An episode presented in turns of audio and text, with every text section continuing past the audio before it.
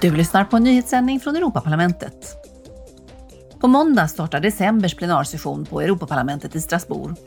Ledamöterna ska debattera och rösta om planerna på att bygga fler kraftverk för förnybar energi.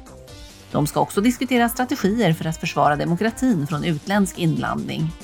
På onsdag delas 2022 års Sacharovpris för tankefrihet ut till Ukrainas modiga folk företrätt av sin president, folkvalda ledare och civilsamhället. Imorgon firas internationella människorättsdagen. Den allmänna förklaringen om de mänskliga rättigheterna är en milstolpe som slår fast varje människas omistliga rättigheter. Förklaringen antogs av FNs generalförsamling den 10 december 1948 och firas samma dag varje år. Årets tema är värdighet, frihet och rättvisa för alla. Europeiska unionen ligger i framkant när det gäller försvaret av mänskliga rättigheter, inte bara i de egna medlemsländerna utan även runt om i världen. Imorgon tillkännages de fem filmer som nominerats till 2023 års Lux publikpris under den 35 filmgalan European Film Awards i Reykjavik.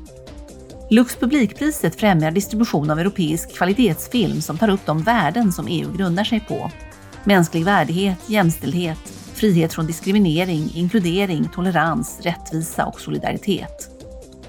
Du har lyssnat på en nyhetssändning från Europaparlamentet.